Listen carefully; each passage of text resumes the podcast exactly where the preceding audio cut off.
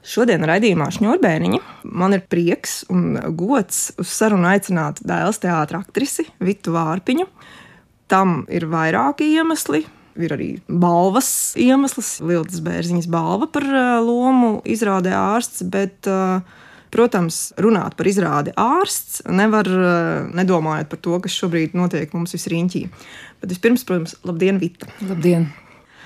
Kaut arī tas būs centrālais sarunas temats, nezinu, vai provokatīvi, vai citu iemeslu dēļ, es gribu sākt ar eh, pavisam cita rakstura jautājumu. Proti, pārskatot lomu sarakstu, kas ir nospēlēts dēls teātrī šiem nu jau vairāk kā 20 gadiem.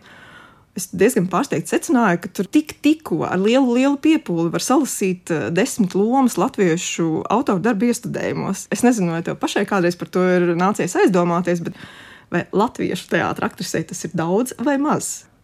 Droši vien maz. Es nebiju par to padomājusi, ja godīgi. Ja es būtu nacionālā teātris, aktris, tad tas būtu liels brīnums, bet uh, Dailas teātra kontekstā man liekas, ka mums nemaz nav to latviešu dramaturgu tik daudz, ko repertuārā paņemam. Tā jau ir, arī es zinu, ka patiesībā jau visi iepriekšējie vadītāji par to ir runājuši, ka nu, gal galā šo funkciju pilda Nacionālais teātris, bet nu, tomēr tas ir uh, latviešu teātris, atrodas Latvijā, tad vienmēr tas arguments ko režisori izmanto, ka nu, pat taisot amerikāņu komēdiju vai taisot Šekspīru, tur runā par to, kas notiek šeit un tagad, ka tas tāds mazliet aizbildinājums un ka patiesībā jau nu, tajā radošajā biogrāfijā droši vien tas nu, būtu tāda ļoti skaista krāsa, ja varētu runāt par viņu dažne, dažādām, nezinu, raiņa varonēm vai, jā, vai blaumaņa jā, varonēm. Man pat, man pat kādreiz aktrisēm jautā, nu, vai tev ir bijis kaut kāds um, sap, sapņu loma, ko tu neesi nospēlējis. Jā, man tāda bija blaumaņa Kristīna, lai cik banāli tas neizklausītos. Un brīdī, kad man jau bija, man liekas, tūp pie 40, Kārlis Auškāps bija um, iecerējis to uguni iestudēt vēlreiz, un tiešām man būtu dot tā Kristīna, lai gan es jau, nu, pēc gadiem vairs tā kā īsti nebiju. Bet um, kāpēc? Tāpēc, ka vēl studiju laikā spēlējot fragmentus, man iedeva vešerienu, un man tik šausmīgi gribējās to Kristīnu. Un atbildi, laikam, pavisam vienkārši. Es uh, varbūt kaut kādas savas dzīves pieredzes dēļ, nu, tik ārkārtīgi sajūtu to raksturu. Bet šobrīd, ar distanci skatoties, es domāju, nekāda nelaime nav arī latviešu teātrim no tā, jo es neko jaunu noteikti tur neienēst. Ir daudz aktrises, kas ir brīnišķīgi šo lomu nospēlējušas. Es nedomāju, ka tur būtu kaut kāda cita krāsa vai cits lasījums. Ļoti tradicionāls šis lasījums būtu, bet nu, kā savu es to lomu tiešām sajūtu. Ja par latviešu klasiku. Bet nu, tad es nevaru noturēties, nepajautājot šādu jautājumu. Tad, kad uh, Nacionālā teātrī Blaumaņā 150 gadē Elmārs Senkovs taisīja Purvu Bridēju, pēc pirmizrādes bija sarunas ar skatītājiem, un visa radošā komanda sēdēja uz komandas soliņa. Tur tie soliņi arī tiešām bija zālē gar malām. Un es uzdevu jautājumu, uz kurus saņēmu diezgan pārsteidzošas atbildes. Respektīvi, no pieciem radošās komandas biedriem, teiksim tā, četri teica, ka Kristīnas vietā nu, viņi noteikti izvēlētos tomēr to akmentiņu. Un tad mans jautājums ir par šo pagātnē nenospēlēto lomu. Nu, ko tad tava Kristīna izvēlētos? Edgars viennozīmīgi, absolūti. Ne, tur pat nav ko jautāt. Tur man nav ne mazāko šaubu. Jā. Un es kā Vita arī to izvēlētos. Tāpēc man nav nekāda vispār diskusija par šo tēmu. Diemžēl, jā. Nu, te varbūt tā paudža. Varbūt, jā. jo tas toreiz tiešām bija ļoti interesanti. Bet, nu, protams, atgriežoties pie tā, kas notiek šeit un tagad, vispirms es vienalga gribu sākt ar mazu, mazu atkāpi vēsturē, bet man liekas, tās lomas ļoti sasaucas, proti, par izrādi dēls. Un, skatoties šo interreština iestudējumu, un arī zinot, ka Nacionālā teātrī viņš taisīja šī paša autora darbu aktētīt, man bija ļoti jādomā par to, kas ir mūsdienu dramaturgija un tās tēmas, kādas tā dramaturgija risina. Un konkrēti par šo darbu man likās, ka tas ir nu, tik jau nu ļoti no dzīves norakstīta problēma, ka principā tai lugai īsti nav pašvērtības. Es atļaujos tā teikt, ka tā ir spēcīga diagnoze, salikta spēcīgos dialogos. Un domājot par to depresiju, man liekas, ka tā ir uh, problēma, kur parādījās stingri jau pirms pandēmijas. Tā pandēmija varbūt kaut kādā ziņā vēl to aktualizēja, bet kas notiek ar jauniem cilvēkiem? Un uh, arī tavai varonei, uh, kā ar to sadzīvot. Viņa ir māma, bet māma, pret kuru tiek vērsts bērna nu, tāds totāls noliegums. Un uh, tāda veida izrādēs, kas runā tiešām par uh, smagām psihiskām vai fiziskām problēmām, kas dod to atgriezenisko saiti un uh, enerģiju, lai vispār varētu strādāt šādās lomās, lai to varētu spēlēt no izrādes uz izrādi. Jo skaidrs, ka nerunāt nevar, un droši vien tas ir ļoti pareizi teātrī to darīt. Bet um, kā atjaunoties šāda veida lomās? Nu, es nezinu, varbūt kādam aktierim ir kāda recepte, bet es domāju, ka lielākajai daļai, un arī man, nu, tā ir tā kā darba, tā kā procesa sastāvdaļa. Un, uh, mēs jau diezgan, varbūt pat neapzināti pēc izrādes, ko nu katrs ar sevi dara, fiziski, psiholoģiski, jebkā. Nu, kaut kā jau tās izrādes drēbes, tiešām pārnestā nozīmē mēs novelkam, bet tā ir daļa no profesijas. Nu, citādi ir jāsajūg prātā. Un kaut kāds pašaizsardzības mehānisms jau arī pa tiem gadiem izstrādājis. Un, godīgi sakot, es nedomāju, ka tā ir lielākā problēma.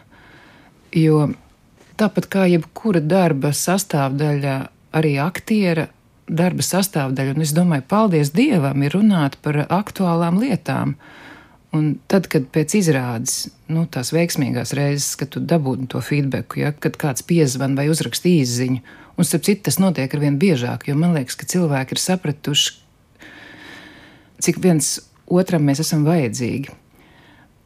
Un, un tad, kad tu pēc šādas izrādes saņem sarunu, īsiņu, jebkādā veidā to, ko tas cilvēks ir sapratis un ko tas viņam ir devis, Līdz ar to jau nerodas jautājumi, vai man to vajag un vai es sev pa daudz neplūstu. Nu, protams, ka nē, tā ir tava darba daļa un nu, neizbēgama daļa. Kā tu ar to mm -hmm. tiec galā, nu, tas katra paša ziņa. Bet aktieris, kas strādā pie šādas lomas, nu, viņš tomēr ir spiests, nu, viņš grib, viņš negrib, bet tiešām šajā tēmā iedziļināties un skatīties, kas notiek visriņķī. Tad kāda ir tava sajūta, kāpēc šis šobrīd ir aktuāli. Kāpēc tas notiek aizvien vairāk? Jo nu, pirms gadiem, 20, man gan vienā sarunā apstrīdēja, ka tieši tāpat bija, bet man tomēr liekas, ka nē. Un par to arī speciālisti runā, ka tas tomēr pieņems plašumā un, un tiešām aizvien jaunāki un jaunāki cilvēki neredz, kā tālāk dzīvot. Tā nav teiksim, kaut kāda slikta garstāvokļa lieta, bet nu, tāda jau tiešām mentāla problēma. Nu, varbūt tā ir laikmeta problēma, bet droši vien, ka tur kādi psihoterapeiti būtu kompetentāk atbildēt. Bet es domāju, ka tas ir saistīts no vienas puses ar to, ka tā pasaule ir vaļā vaļā, bet vaļā viņi ir vairāk tādā digitālā nozīmē, nu vismaz šobrīd Covid laikā noteikti. Un no vienas puses tev ir iespēja iegūt jebkādu veidu informāciju, bet tas, kā šī jaunā paudze sēž datoros un telefonos, tas noteikti atstāja kaut kādu ietekmi, un, un es noteikti nespēju izanalizēt un, un iedot tas uh, receptes un diagnozes, bet uh, tur kaut kas ir tajā pasaulē, ko viņi veido ap sevi noslēgtu. Un tās reālās komunikācijas ar vienaudžiem mm, īsti nav. Manā bērnībā tā noteikti nebija, jo vienkārši nebija cita iespēja, kā iziet sētā un, nu, ko, nu, kurš tur tautas bumbu spēlēja vai sunīšu vai, nu, attiecīgi vecumam. Šobrīd nekas tāds jau vairs nenotiek. Jo šī tēma jau vienā krīzē izrādē ārsts. Teiksim, tad, kad tava varona rute atgriežas mājās no savas ikdienas, ko viņa sastopas, viņa būtībā viņa iestājas otrā maiņa. Un es par to diezgan daudz domāju, un īstenībā par mums visiem. Tad brīdī, kad tev beidzas tavs formālais darba laiks, sākas nākamais darba laiks, un darbs pavada visu tavu 24 stundas apmēram diennaktī. Un dažiem cilvēkiem varbūt tā nav, bet nu, tādas es nepazīstu. Un tad Rute izrādē atnākus mājās. Tieši tāda paša rakstura problēmas, kā izrādē dēls risina ar šo pusaudzi, ar šo puiku meiteni, kurš pats nezina, vai viņš ir puika vai viņš ir meitene. Un principā diezgan bravūrīgi pasakā, nu, un izmisīgi arī reizē, ka, nu, citēju, lūgu, nav opciju, nevar kaut kā tikt ar to galā. Nu, jā, un tas mans jautājums ir par šo nenormēto darba laiku un to, kā sadzīvot ar to, ka tu, teiksim, arī kā ārsts, nu, šeit gadījumā varonē, kā ārsts, vienalga vai hipokrāta zārsts joprojām ir spēkā vai nav spēkā, vai to izmanto vai neizmanto medicīnā, bet ka tavs kaut kāds ētiskais imperatīvs neatļauj atstumt, atlikt malā, pateikt, tas uz mani neatiecas. Un tik intensīvi, teiksim, iedziļinoties visu apkārtējo cilvēku problēmās, arī sava partnera problēmās. Nu, jā, no kurienes vispār pats tas cilvēks, tā varoni, akumulē sev spēku, lai viņi varētu atkal tajā nākamajā rītā celties, iet, darīt, glābt cilvēkus, aizstāvēt savu pozīciju un tā tālāk. Un, un jautājums ir par to atjaunināšanos arī tai varonai. Vai tas ir dabiski, vai tas ir normāli? Kurā brīdī sākas tas, ka tev ir jādomā par sevi gluži egoistiski? Nu, es nezinu, es kā vīta arī atnāku mājās pēc izrādes, un man ir divi bērni pusauģi. Un tieši tajā brīdī, kad es atveru durvis, tad parasti arī ir tie tūkstoši jautājumu, tūkstoši problēmas, bieži vien neapmierinātība ar kaut ko. Un, Un man reizēm tiešām ir tāds sajūta, nu, ko vēl no manis tieši šobrīd var paprasīt, bet var. Un, nu, ja tie bērni ir mana izvēle, tad atkal es sev nedrīkst uzdot tādu jautājumu. Ja? Nu, jā, es esmu mājās, tad, kad es esmu mājās, un viņi man ir, un es viņiem esmu vajadzīga. Tad kā vari tā tiec galā? Bet vispār par ruti runājot. Es nezinu, varbūt tāpēc, ka tas iestudējuma laiks bija daudz ilgāks nekā parasti. Parasti ir divi mēneši, un tas ir daudz par maz, jo vakaros ir izrādes, bet tagad jau bija tā, ka mēs sākām tieši, kad eh, sākās Covid pandēmija, man liekas, maijā, kad teātris drīkstēja vērt durvis, un pirmizrāde bija, man liekas, septembrī. Un tas ir gandrīz pusgads, un priekš aktieru tā no vienas puses tāda liela laime. Ja? Tev ir laiks iedziļināties, un laiks strādā uz tevi kaut kādos failos. Viņš kaut ko ar tevi izdara, nu, lomas sakarā, tēmas sakarā, neizbēgam. Bet šoreiz bija tā, ka pēc pirmizrādes parasti aktieris spēja to lomu nolikt, nu, kaut kādā nozīmē. Ir pirmizrāde, loma piedzimst pirmizrādē vai mazliet pēc, kā kuram. Un tad nu, parasti nedēļa ir tāds attiešanas brīdis, ir diezgan fiziski smagi, bet tad tu esi restartējies, tad tu sāc atkal dzīvot. Bet ar Rutu man bija savādāk. Es biju nospēlējis jau vairākas izrādes, loma bija piedzimusi, bija ļoti labs atsauksmes, un Gats Šmits ir no tiem režisoriem, kas turpina nākt uz izrādēm un katreiz kaut ko pasaka un baro aktieru un dod klāt jauns uzdevums, un tas ļoti labi. Bet uh, es nevarēju to lomu nolikt. Un tas izpaudās tā, ka naktī, līdzīgi kā pirms pirmsrādēm, es turpinu kaut kādus dialogus, es redzu to ruti, un es ar viņu sarunājos, un es brīžam nesaprotu, vai tā esmu es vai tā ir tā ruti. Un bija pat tāda situācija, ka es teātrī satiku Gintu Anģēnu māmu, kuru mums dažreiz konsultē savas profesijas dēļ eh, lomu sakarā. Un es saku, es saku, Gunte, es nevaru to rutu nolikt. Ko lai es daru? Viņa saka, tu vienkārši sev godīgi pasaki, tas darbs ir izdarīts. Paldies! Tas ir beidzies. Pasaki sev to skaļi. Un šī nu bija pirmā reize, kad es kaut ko tādu vispār darīju, jo es tiešām nesapratu, kā to punktu pielikt. Nu, kaut kādā brīdī es pieliku, jā, nu, diemžēl tad jau atkal eh, pandēmijas otrais vilnis, un atkal cik mēnešus mēs vispār nespēlējām, tad likās, tā bija tīrā laime, ka tu kaut ko nevar nolikt, ja. Tā kā, ja par to restartu, tad, jā, nu, ir reizes, ka tu tā kā nemaz nevar tik ātri sev restartēt, un Rutas Vulfas sakrā domājot, nu, viņa ir absolūts darba holiķis no vienas puses. Tā ir viss viņas dzīves jēga, es domāju, ka labs ārsts nemaz nevar būt uh, labs, ja viņš to reālo dzīvo cilvēku nespēja pieņemt un negrib viņam palīdzēt. Vienalga, kādā lomā tu šo cilvēku satiec, vai tas ir tavs mājinieks vai kaimiņu bērns, kā Rutai Vulfai. Ja? Man liekas, tas ir neizbēgami. Tā spēja, vēlme varbūt negribot, bet tomēr eh, ar šo cilvēku runāt un kaut kā viņam palīdzēt. Un tā ir tā profesijas blakne. Nu, es tā domāju. Par šo lugu domāju, tas arī biju lasījusi jau pirms dēls teātrī. Tā tika iestudēties arī to Londonā pamanīju, un Roberts Aiks ir vienkārši ne tikai brīnišķīgs dramaturgs, bet principā arī brīnišķīgs režisors. Un, Un viņa Hamlets patiesībā ir viens no spēcīgākajiem maniem teātriem iespaidiem. Bet šito lūgu arī redzēju ārstu? Nē, šo, nē, šo es tikai kā lūgu atvedu jā, no Londonas. Un tad, domājot par šo lūgu, es varētu droši vien nosaukt vairākas centrālās tēmas, kas arī, protams, ir labas lūgas pazīme. Pirms... Varbūt pat par daudz. Jo brīžam liekas, ka to tēmu ir tik daudz, ja, ka vienā maisā visu samest galīgi varbūt nevajag. Ja, jo reizēm tas mulsina to skatītāju. Pag, tas vēl un tas, jā, ir un, kaut kā tāda. Un līdz ar to mans jautājums ir, kas tev pašai ir šīs lugas centrālā tēma? Nu, jā, tēmas tiešām ārkārtīgi daudz, un pat varbūt grūti tādu vienu izvilkt, bet tas, kas man pirms pirmizrādes visvairāk, par ko man bija jādomā, ir tā identitāte, ko mēs katrs sev kā tādu primāro atļaujam, ko mēs uh, izvirzam priekšplānā, un uh, rutē tā ir uh, tomēr profesija tas ir arī institūta vadošais cilvēks. Un tad kas notiek ar cilvēku, kurš ir kaut kādā, nu, teiksim, vienkārši vadošā amatā? Kas notiek ar līderi, kas notiek ar viņu kā ar cilvēku, un kas notiek tad, kad viņš pakrīt? Un tās atbildes ļoti nežēlīgas. Nežēlīgi mēs esam pret šiem cilvēkiem. Nu, to var redzēt eh, šobrīd, kā mēs kliedzam uz eh, veselības ministru, uz jebko šobrīd apkārt, vai pelnīt vai nepelnīt, ja? ko dara pūlis. Bet uh, arī pat šī persona, kā līderis, gribot, negribot, arī izmainās. Un tā ir tāda bīstama pārbaude, varbūt negluži ar vāru, bet tomēr, ko tas ar tevi izdara kā ar cilvēku. Un Rūtas sakrā tas ļoti būtiski. Jā, šī ir viena no tām tēmām, kur es kā skatītājs mazliet no cita skatu punkta, vai novērtēju, vai piefiksēju, proti, to, ka tu vari izveidot kaut kādu tiešām veselu institūciju vai organismu un būt šis līderis, un ar demagoģijas palīdzību, principā ar netīriem spēles līdzekļiem vai ar apstākļu sakritību, izmantojot sev zināmu nolūku labā, nevis rūta pakrīt. Bet viņai pieliek priekšā kāju, jā, lai nu. viņa pakrīt un viņu jā. nu, paklupina. paklupina jā, paklupina. Tā, un, un ka tālāk tā lavīna var aizvēlties uh, neapturamā ātrumā. Tas ir vienkārši nenormāli nežēlīga dzīve. Sistēma, arī nu, jādroši vien kapitālisms kā sistēma, jo skaidrs, ka tur apakšā ir arī kaut kādi naudas jautājumi un varas jautājumi.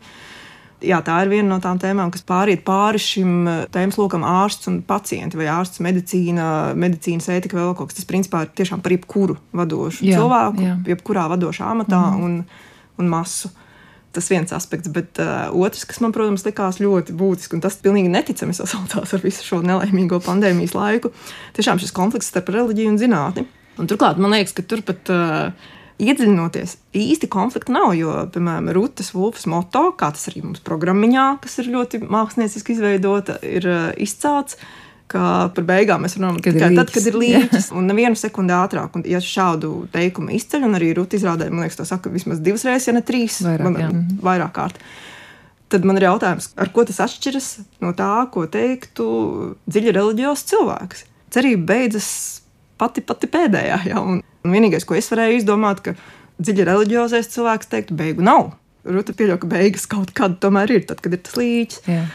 Un tad man liekas, ka tas konflikts, kurš tur ir gan, nu, ļoti radoši konstruēts, tas arī parāda to dzīves absurditāti. Jo principā mēs visu laiku runājam par vienu to pašu. Nu, gan tie cilvēki, kas ir prāta cilvēki vai intelektuāli bagāti cilvēki, vai kuri mēģina risināt jebkuru sarežģītu situāciju, un cilvēki, kuri paļaujas teiksim, uz vispārānā gribu. Viņi principā strādā ar vieniem tiem pašiem līdzekļiem, bet jā, pašā laikā viņi sakonfliktē. Un tādā ziņā man liekas, tā izrāda ir ārkārtīgi arī nu, tiešām gudra izrāde, kurā atklāja to šodienas paradoxālo dabu, kad racionāli domājoši cilvēki pēkšņi izrādās ārkārtīgi tic ezotēriskām kā, idejām un otrādāk. Ja. Bet eh, tas ir interesanti, jo Lūgas rakstīt mazliet pirms pandēmijas, un tad, teiksim, runa par vakcīnām un to, vai viņas ir tādas vai tādas, eh, vispār nebija. Un pat sākot iestudēt, lūk, arī tad vēl šo vakcīnu nebija, ja, bet eh, tagad tie brīži, kad šīs tēmas skan no skatuves, nu, tu pilnīgi jūti, ja, ka zāle tā norezonē, ja, ka vienkārši tā noelšās brīžiem. Bet eh, nu, tā laikam ir labs dramaturgijas pazīme. Jā. Nu, īsnībā es jau pirms, pirmsrādes teicu, ka tā milzīga laime aktierim runāt par uh, tieši to, kas notiek šobrīd, un tik precīzi un tik trāpīgi. Un nevienmēr tā dramaturgija ir laba, ko mēģina sarakstīt par esošo laiku, bet nu, šoreiz tiešām ir tā, ka tas trāpījums ir gandrīz desmitniekā. Jā. Lūk, šī gan jau ir ezotērija, kā Roberts Aiks varēja zināt, Jā. kas pārņems pasauli un par ko teātrī būs aktuāli runāt. Jo tieši tāpēc varbūt arī Nacionālais teātris nobremzēja pie lūgas ar nosaukumu ārsts. Jo likās, nu, kāds ārsts, kāpēc par to runāt, kāpēc no lielās skatuves. Un izrādījās, ka tas ir pats aktuālākais, par ko vispār sarunāties Jā. ar cilvēkiem teātrī. Un šeit, un... Paiet gads, un izrādās, ka šī tēma ir numur viens. Jā. Savukārt par to racionālo vai emocionālo uh, es gribēju pajautāt, eh, nu, vai vispār tā drīkst jautāt par šo tēlu. Kā tā proporcija viņā pašā rutē, respektīvi, veidojas starp uh, racionālo pieeju dzīvei un tomēr emocionālo. Jo, protams, ka nu, teiksim, uz skatuves tas virsējais slānis nu, diezgan nu, viennozīmīgi intelektuāla, domājoša, racionāla, savaldīga būtne. Bet um, neviens nav tikai vai nu intelektuāls vai tikai emocionāls. Cilvēkā ir viss, un cevišķi tiksim, bagāti uzrakstītā lomā. Bet vai par to proporciju tu vari kaut kā komentēt, kāda tev ir pašai sajūta viņu spēlējot? Mm, nu, man liekas, ka tās emocijas viņai ir, bet viņa vienkārši tām neļauj vietu. Nav viņas dzīves telpā tam īsti vieta, un tie retie brīži, kad tas izlaužās, nu, tad tas ir mazliet tā kā vulkāna izvirdums, bet varbūt tā arī ir viņas problēma kas, nu, man liekas, vīriešiem vairāk raksturīgi, ka viņi neatļauj sev to emocionālo pusi. Viņi to tā kā slāpē, tā kā nodemfē, kas noteikti atstāja iespēju uz veselību. Bet Rūtas gadījumā es domāju, ka tās emocijas noteikti ir, bet eh, darbā viņi tām nevar atļauties. Un arī mājās patiesībā ar uh, Alzheimer pacientu tu nevari atļauties būt īpaši emocionāls. Un ar nelīdzsvarot pusaudzi vēl jau vairāk. Tā kā īsti jau nav, nav vieta, nav telpa tai emocijai. Man liekas, ka tur ir tā problēma. Gan jau ka ir, tikai kurā brīdī viņām atļaut šķilties. Bet tas ir nu, tevis kā aktris, tas uzstādījums pārnums par to nu, tālu, jeb, jeb arī no režisora puses. Nē, droši vien, ka tas ir mans vairāk.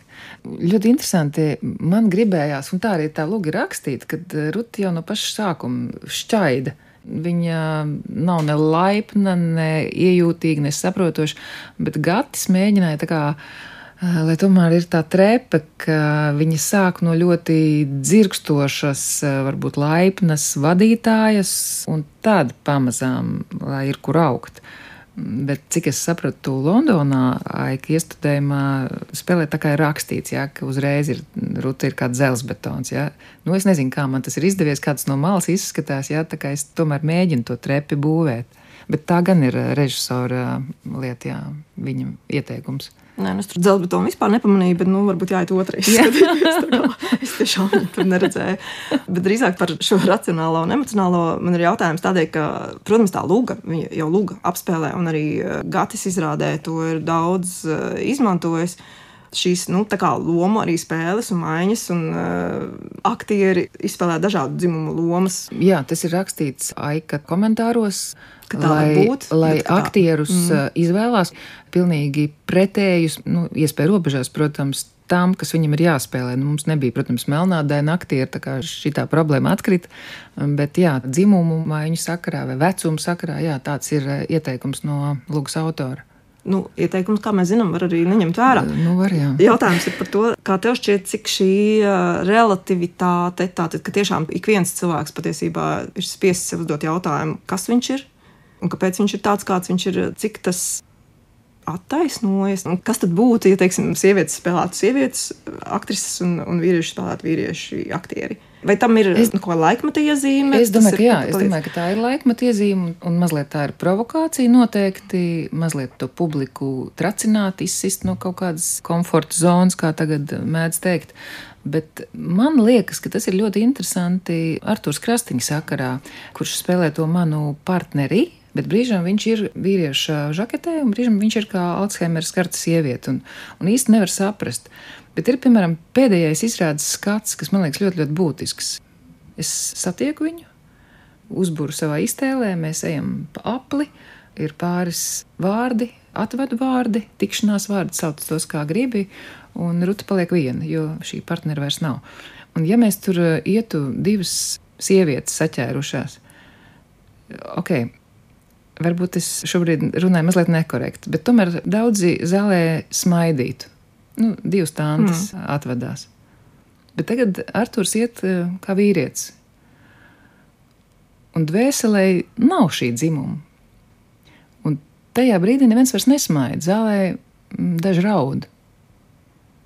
Kaut kas tomēr mūsu apziņā, mēs atzīstam to vai nē, bet kaut kas mūsu apziņā ir diezgan grūti izmaināms. Nu, kāda starpība atvedās uz mūžu divas sievietes vai sieviete un vīrietis? Un tomēr starpība ir, diemžēl. Lai arī mēs to negribam atzīt. Ne, ne, tas šai izrādē, es domāju, arī ne tikai šai skatā. Būtībā tur ir vēl pāris skati, kuros ar to vīrišķīgā pusē viņa nu, nospēlē tā, ka patiešām arī viņu uztver kā vīrieti, kā dzīvesbiedru. Mm principā nerodas jautājumi. Jo, jo tu ilgāk esi nu, izrādē iekšā un skaties. Man liekas, jo... bija sagatavots skatīties, cik nu, labi zināju, bet man ir bijuši, piemēram, starp arī, man liekas, valsts prezidents jautāja, vai tā ir transpersona. Tā kā nomulsina tomēr dažu šī dzimuma maiņa viena tēla sakarā. Jā. Nu, tad ir iespējas vienkārši padomāt. Nu jā, un tad visbeidzot par šo izrādi es gribēju tādu nelielu repliku, un tad varbūt arī tomēr jautājumu. Proti, pēdējā laikā, it sevišķi tagad, kad ir tik intensīvs pirmizrāžu birums, skatoties tās izrādes, tu pēkšņi ar savu skatītāju pieredzi saproti, ka nu, sižeti atkārtojas, tēmas atkārtojas, un kas tad ir tas, kas uztur dzīvu to vēlmi iet uz teātri katru vakaru, skatīties, baudīt un tiešām. Pēc tik daudziem tomēr, gadiem profesijā jāatzīst, ka es aizvien biežāk domāju par to enerģiju, kas plūst no skatuves. Pat ne par tēmu, bet par, Jā, enerģiju. par enerģiju. Mm. Un ne pārāk vienlīdzīgi viņi ir sadalīti tomēr, ne katram. Runājot tieši par profesiju. Un Latvijas teātrī ir ļoti, ļoti daudz un bieži, un nu, teiksim, enerģija ir kvalitāte. Tad augstā kvalitātē ir tāda emocionāla, jūtu pasaules enerģiju, kuru tiešām nu, caur saviem varoņiem pludini uz zāli, un tur droši vien arī rodas tāda emocionāla enerģijas apmaiņa un tam līdzīgi. Un tas ir tas, kas man valdzināja tavā darbā, ka ir ārkārtīgi spēcīga domas enerģija. Tik caurspīdīga, tik caurskatāma, ka tu visas izrādes garumā skaties, un tu ne tikai jūti līdzi vai pārdzīvo līdzi, bet tu domā līdzi. Jūs skatuves pretī tev galvenais varonis domā. Viņš risina ļoti būtiskus, svarīgus jautājumus, un tu pieslēdzies tieši tai domas enerģijai. Un, principā, tu sēdi zālē, protams, tu klusē. Nav tik traki, ka es runātu pat ar sevi, bet principā tu sarunājies ar šo varoni. Nu, manuprāt, tas nemaz negadās tik bieži. Tā ir ļoti liela vērtība, par to es arī ārkārtīgi gandarīta un tiešām labprāt aiziešu uz izrādi atkārtoti.